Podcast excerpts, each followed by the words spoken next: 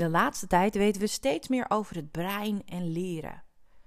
Zo weten we dat het belangrijk is om het brein actief aan het werk te zetten, zodat leerlingen actief leren.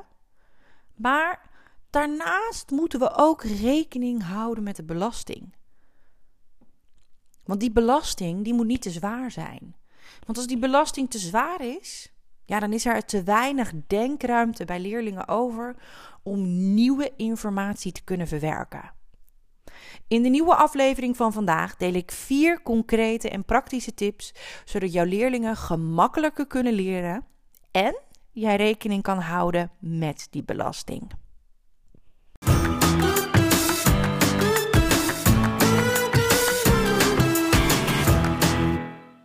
Hey, wat leuk dat je luistert naar de podcast van het Leerlab.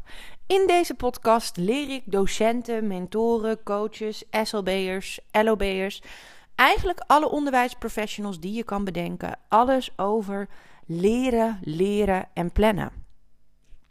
Wat zegt de wetenschap? Wat zeggen de onderzoeken over deze onderwerpen? Maar nog belangrijker, hoe vertaal je dat naar de praktijk? Ik ben Laura en met het Leerlab heb ik een grootse missie. Namelijk alle leerlingen in Nederland en België leren, leren en plannen. En om deze missie te bereiken ben ik heel actief op Instagram en maak ik elke zondag deze podcast. Ik hoop je te inspireren, maar ik hoop je vooral in beweging te krijgen, zodat het leren en plannen makkelijker wordt voor jouw leerlingen. Ja, en ook vandaag weer, want ik zeg in de introductie natuurlijk elke zondag. En die afspraak heb ik met mezelf gemaakt en dat vind ik dan, dan toch dat ik dat moet doen. Ondanks, nou, misschien hoor je het, dat ik niet helemaal... Uh, helemaal fit ben. Ik ben uh, uh, afgelopen week in uh, Zeeland geweest.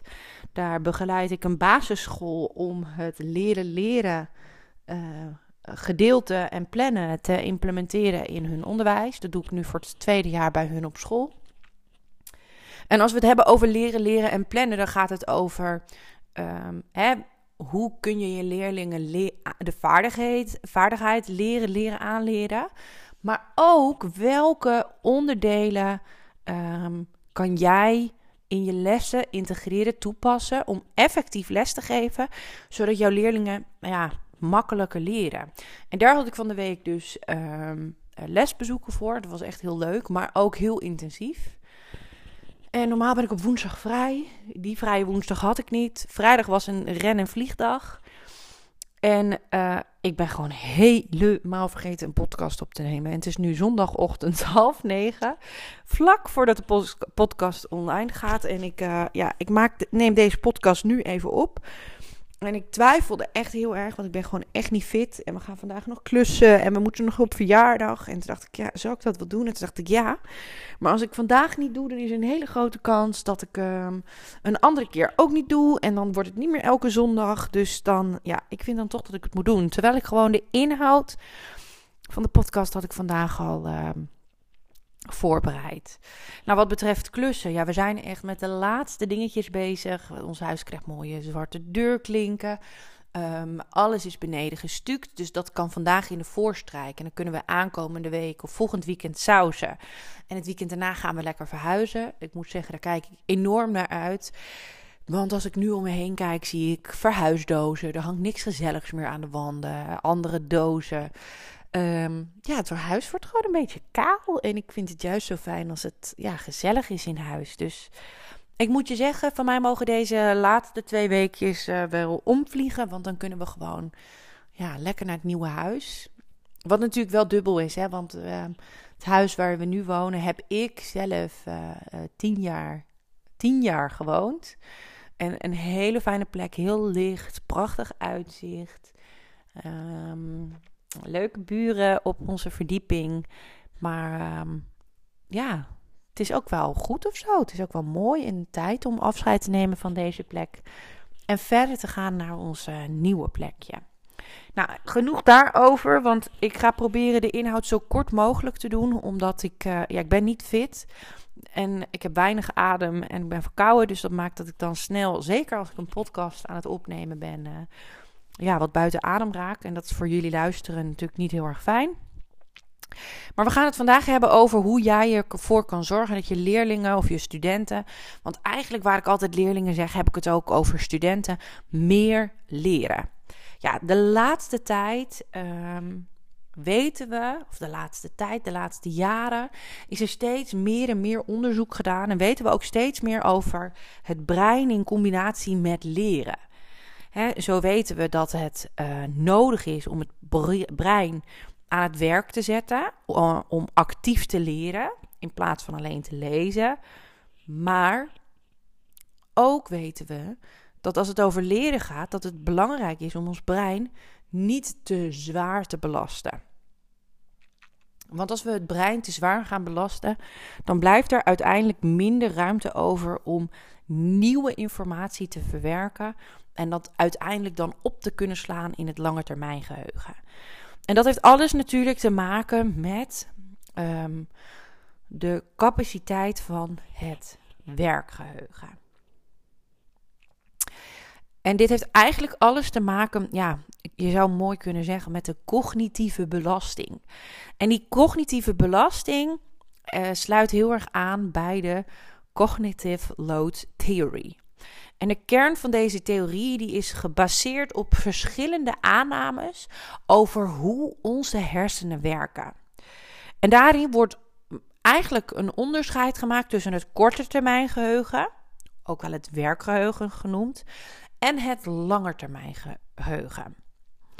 Eigenlijk zou je kunnen zeggen, uh, in dat korte termijn geheugen, het werkgeheugen, pas maar een kleine hoeveelheid informatie. De capaciteit is beperkt. En op het moment dat het werkgeheugen vol zit, blokkeert het. En ik noem dit naar leerlingen altijd, hè, vergelijk het met je telefoon die vol zit. Dan kun je, het blokkeert, er kunnen niet nieuwe foto's gemaakt worden, niet nieuwe appjes verstuurd worden. In het brein, in het, in het werkgeheugen, is er dan tijd nodig om de informatie naar het langetermijngeheugen over te zetten. En pas dan, dan komt er weer ruimte in het korte termijngeheugen. En dat gaat natuurlijk niet op voor alle informatie, hè? want uh, in dat langetermijngeheugen uh, worden allerlei verschillende schema's gemaakt waar nieuwe informatie wordt toegepast. Um, en dat, dat, dat zou. Eh, dat, um, ja, dat legt eigenlijk ook heel mooi uit, of dat verklaart. Uh, als je uh, expert bent in een bepaald onderwerp, uh, dat het veel makkelijker is om nieuwe dingen sneller te leren dan wanneer jij een beginner bent. Want als expert heb jij in dat langetermijngeheugen veel meer schema's en uitgebreidere schema's met informatie dan dat een beginner dat heeft. En jij als docent, als leerkracht, als coach, als begeleider, LOB'er, SLB'er, jij bent een expert. Maar jouw leerlingen, jouw studenten zijn een beginner. En daarom hoor je heel erg vaak dat het belangrijk is om aan te sluiten bij de aanwezige voorkennis en ook om die te activeren. Waarom? Nou, dan blijft er meer ruimte over om nieuwe informatie te verwerken, dus jouw nieuwe lesdoel uit te leggen. En er zijn heel veel verschillende manieren om rekening te houden met die cognitieve belasting, op rekening te houden met die uh, uh, met die effect of met die met het werkgeheugen, sorry. Um, en in de aflevering van vandaag wil ik uh, vier concrete tips met je delen die ervoor zorgen dat jij rekening houdt met die cognitieve belasting en dat het voor jouw leerlingen dus echt gemakkelijker is om jouw stof te verwerken, eh, door te zetten in het langetermijngeheugen, maar ook echt makkelijker is om te leren. Nou, ik merk dus nu al dat ik buiten adem ben. ik ga heel even een klein doekje tegen mijn neus houden. Zo. Ik hoop dat dit iets beter is. Um, en maar die vier tips, die vier praktische tips, wil ik graag met je delen. Want eigenlijk wil jij dat het. Ja, eigenlijk wil je gaan optimaliseren van het werkgeheugen. Jij wil zo veel mogelijk informatie kwijt aan je leerlingen, want je wil ze natuurlijk zoveel mogelijk leren. Wat kun je doen? Nou, de eerste heb ik eigenlijk net al genoemd en dat is het activeren van de voorkennis. En ik zeg wel eens: voorkennis is een metafoor voor klittenband. Want als jij die voorkennis activeert, kan die nieuwe stof blijven kleven aan dat stukje klittenband. En door aan te sluiten bij de aanwezige voorkennis, blijft er meer denkruimte over om nieuwe informatie te kunnen verwerken en op te slaan. En voorkennis is niet alleen vragen naar de vorige les. Hé hey jongens, wat hebben we vorige les gedaan? Nee, als jij de voorkennis bij je leerlingen gaat activeren, is het heel erg belangrijk dat jij alle leerlingen aan het denken zet. Dat alle leerlingen moeten nadenken. Dat alle leerlingen hun voorkennis moeten activeren. Ja, dat is heel belangrijk. En nu denk je, ja, maar dat doe ik wel en uh, het zal. En hoe kan ik dat dan doen met al die leerlingen? En uh, Lau, dit is echt niet totaal verrassend of nieuw. Nee, maar dit, dit gebeurt echt nog veel te weinig. Want wat ik in lessen zie gebeuren is...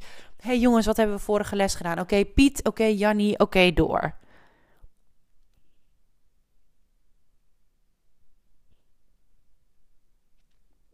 Voorkennis is echt belangrijk om die te activeren. Doe dat met een brain dump. Doe dat met een Cornell-methode. Doe het met een, een mini-whiteboardje, een wishboardje. Het maakt niet uit. Maar zorg ervoor dat alle leerlingen moeten nadenken.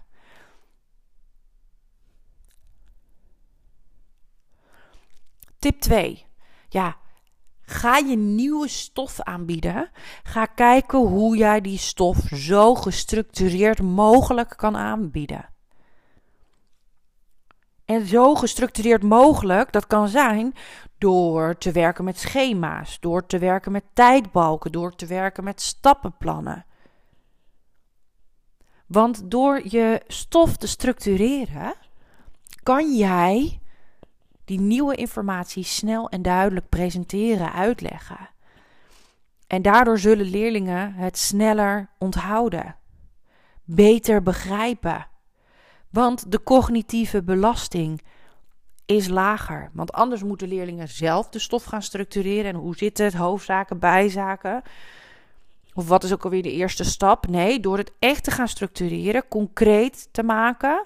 Hè, een schema, een tijdbalk, een afbeelding, een stappenplan. Er zijn genoeg manieren om dat te doen. Werk met schema's. Maak het, bied structuur aan. Ons brein gaat aan op structuur. Waarom? Het is makkelijker te onthouden.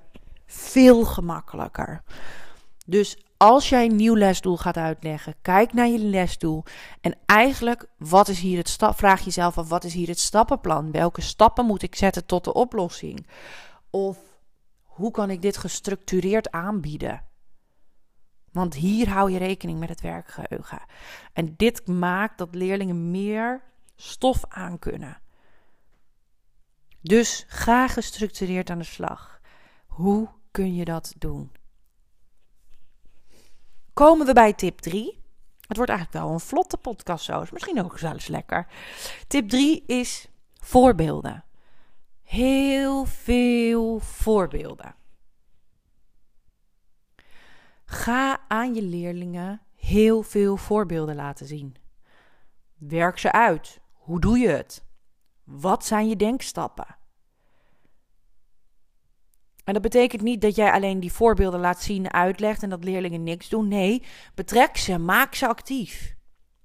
Maar door te werken met uitgewerkte voorbeelden, belast je het werkgeheugen van je leerlingen minder zwaar. Waarom? Omdat de oplossing alleen maar gevolgd en begrepen hoeft te worden. Want leerlingen hoeven namelijk niet zelf de oplossing te ontdekken. En dat is weer fijn voor het werkgeheugen. Zo blijft daar meer ruimte, denkruimte over. En ook hier kan de structuur je al bij helpen, hè? de tip van tip 2. Als ik kijk naar de lessen van afgelopen week, ik heb vooral veel rekenlessen gekeken. Wat zijn de stappenplannen? En op den duur waren er ook een aantal stappenplannen in, waarin dan stap 4 was reken uit. En dan vroeg ik aan de leerkrachten: maar hoe moeten de leerlingen dat uitrekenen? Besef je ook iedere keer weer: wij zijn expert, wij weten hoe dat moet. Wij denken niet na over hoe je een minsom onder elkaar moet uitrekenen, cijferend rekenkeersom. Uh, wij denken niet na over als we een klok het verschil de tijd moeten berekenen, hoe we dat moeten doen. Maar leg uit welke stappen leerlingen moeten zetten. En laat heel veel verschillende voorbeelden, voorbeelden aan je leerlingen zien. Werk ze uit. Laat zien hoe je dat doet. Deel je denkstappen. Ga moddelen. Want dan kunnen de leerlingen die stappen volgen. Nou, dan komen we uit aan bij tip 4. En dat is eigenlijk dual coding. En dual coding is natuurlijk een van de vier effectieve leerstrategieën. In het Nederlands heb ik hem genoemd combineer woord en beeld. Maar goed om te weten, ons werkgeheugen bestaat uit twee werkruimtes. De ene werkruimte codeert taal, gesproken en geschreven. De ander doet dat met plaatjes, gebeurtenissen. En door die beide ruimtes aan te spreken, komt de, komt de stof op twee manieren binnen. Komt de informatie binnen op meerdere manieren. En daardoor is het voor leerlingen weer gemakkelijker om te begrijpen en te onthouden. En eigenlijk de laatste tip waar ik mee wil afsluiten, die, die van toepassing is op alle tips die ik hiervoor genoemd heb. Want ik wilde eigenlijk vier tips delen. Maar als je dit gaat inzetten, als je die voorkennis gaat activeren, of als je dual coding hè, dubbel in je brein gaat inzetten, of als je die voorbeelden gaat uitwerken, leg aan je leerlingen uit waarom je dingen doet. Zodat de leerlingen begrijpen: hé, hey, waarom gaan we iedere keer, iedere les die voorkennis activeren? Waarom doen we die drie herhaalvragen? Waarom werken we zoveel met afbeeldingen? Waarom werken we iedere keer met stappen, plannen en schema's? Leg uit waarom je dingen doet, waarom dat werkt. Want leerlingen willen wel, maar leg ze uit. Want door ze het ook nog eens uit te leggen, begrijpen ze het beter, zullen ze actiever betrokken zijn. Maar is er ook nog eens een kans dat ze hier thuis dingen mee gaan doen? Want ze begrijpen en weten waarom ze die dingen doen. En eigenlijk wil ik daarmee afsluiten. Bedankt weer voor het luisteren. Ik vond het enorm fijn uh, dat je weer de moeite hebt genomen om naar deze podcast te luisteren. Ik ga lekker mijn kluskleren aantrekken en uh, nou, relaxed in huis uh, klussen, zeg ik dan maar. En dan zeg ik tot volgende week. Ik zeg hasta la vista. Ciao.